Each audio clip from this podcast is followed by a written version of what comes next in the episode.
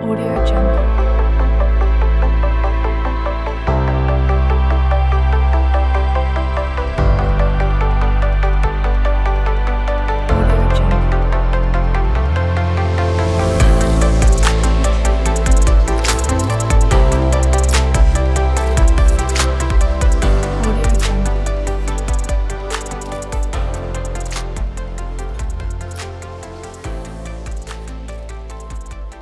Energiaren pobreziaren aurkako nazioarteko egunarekin bat eginez, hainbat talde ekologistak, sindikatuk, ausolkartek, etxe bizitza sindikatuk eta gazte taldek, sakeoari ez energiarako eskubidea dinamika aurkeztu dute argiaren prezioaren igoera salatzeko.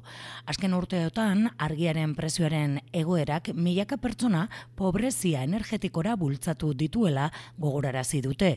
Euskal Autonomia Erkidegoaren kasuan, amar etxetik bat pobrezia energetiko egoeran dago. Hau da, irurogeta mila etxe baino gehiago. Era berean, salatu dute sistema kapitalistak pobreziara kondenantzen gaituela egituraz beste hainbat alorretan. Pobretzea gertatzen ari da elektrizitatearen prezioaren igoerarekin batera, elikagaien edota alokairuaren prezioaren igoerarekin. Gaur, pobrezia energetikoaren aurkako egunean, sakeoari ez derecho a la energia izendatu dugun dinamika aurkeztu nahi dugu. Azken hilabeteotan argindarraren prezioaren igoera salatzeko helburuz. Datozen asteetan ezagutzera emango dugun dinamika honen bidez urgentziazko neurriak eskatzen ditugu. Alde batetik, argindar mozketak benetan gelditu daitezen eta argindarraren fakturari aurre egin ezin dioten pertsonen sorpetzea gelditzeko neurriak har ditzaten. Bide beretik ezinbestekoa da elektriken aberastasunari muga jartzea, besteak beste nahi dituzten prezioak jar ditzaten oztopatuz.